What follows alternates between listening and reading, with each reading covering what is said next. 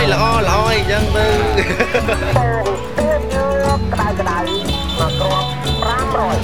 Het is ochtend in het avondland. Een podcast van Chris Janssens. Aflevering 11. Zorgen voor morgen. Cambodjanen kunnen vaak in hun lot berusten.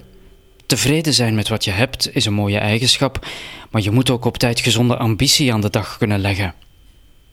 Soms kunnen ze wel de wens uitdrukken dat hun situatie zou veranderen en er lang en veelvuldig bij zuchten, maar uiteindelijk wachten ze toch altijd weer tot het manna vanzelf uit de lucht valt.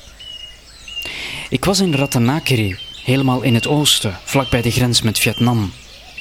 De Jungle-provincie wordt die genoemd, afgelegen en met landbouw als grootste bron van inkomsten.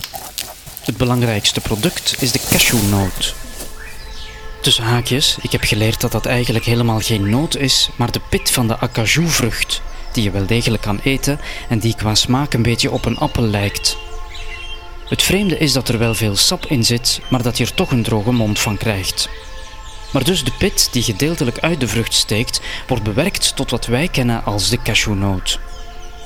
Meestal weet ik heel weinig over planten of bomen. Het is al gebeurd dat ik mensen meeneem naar een prachtige tempel en dat ze na vijf minuten vragen: Zeg, die boom die daarnaast staat, hoe heet die? En daar moet ik dan meestal het antwoord schuldig op blijven. Maar nu heb ik dus eens een plantkundig weetje. Gun mij even dit moment, alsjeblieft. Terug naar de boeren in Ratanakiri.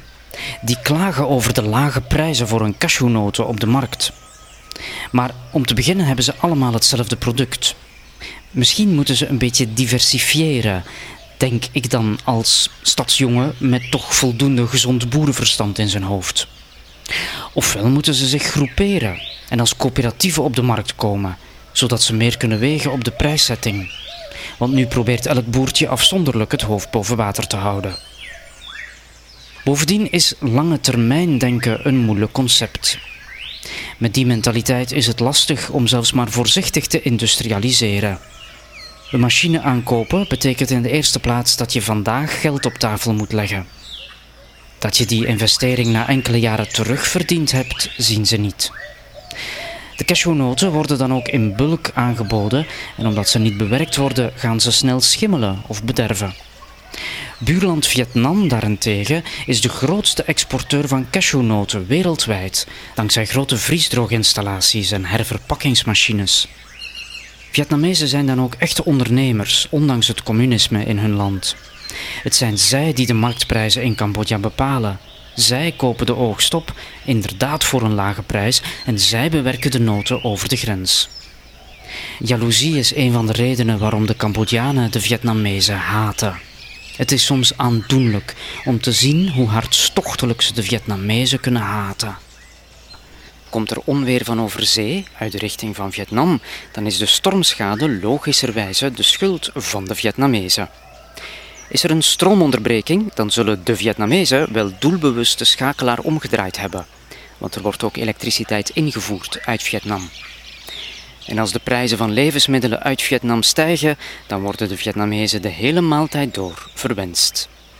Ze gebruiken dan het woordje yuan, wat dief betekent, of in elk geval iemand die niet te vertrouwen is. In de jaren tachtig stonden de twee landen op eenzelfde economisch dieptepunt.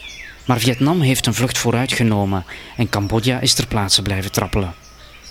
Er zijn ook historische redenen voor de haatgevoelens.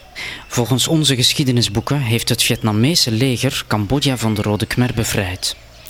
Dat is ook zo, maar de Cambodjanen hebben vooral onthouden dat de Vietnamezen vervolgens tien jaar gebleven zijn. En er bestaat altijd een kans dat ze op een dag opnieuw zouden binnenvallen. Bovendien pikt Vietnam af en toe land in dat, zo heb ik al meer dan eens gehoord, ooit zal teruggegeven moeten worden. En dan worden de zachtaardige Cambodjanen plots heel bits en stuurs. Het beste voorbeeld is Phu Quoc of Kochtral, zoals Cambodjanen het paradijselijke eiland koppig blijven noemen. De toeristische goudmijn ligt voor hun kust, maar hoort officieel bij Vietnam. De negativiteit van hun buren maakt trouwens weinig indruk op de Vietnamezen. Zij zien Cambodja een beetje als hun achtertuin. Inderdaad een potentieel uitbreidingsgebied voor het veel dichter bevolkte Vietnam. En dat idee zet dan weer kwaad bloed bij de Cambodjanen. Ratanakri heeft trouwens nog een symbool van latent gebrek aan ambitie. De internationale luchthaven van hoofdstad Banlung. Of tenminste, wat er nog van overblijft. Want na een klein ongeval, zelfs zonder fatale afloop, is het vliegverkeer hier begin jaren 2000 gestopt. Als je nu zou willen opstijgen of landen, zal je tussen grazende koeien moeten laveren en de stenen en rotsen ontwijken. Alleen het vervallen gebouwtje van de voormalige check-in herinnert nog aan wat er zich hier ooit moet afgespeeld hebben.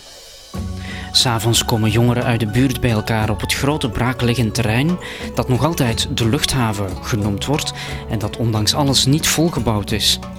Want misschien komt er ooit wel iemand, een buitenstaander wellicht, die nieuwe commerciële mogelijkheden ziet voor luchtvaart naar dit afgelegen gebied met een hoofdstad die naam niet waardig. Vind je deze podcast leuk? Abonneer je dan via Spotify en klik op de bel om elke woensdag een bericht te krijgen als er een nieuwe aflevering online komt.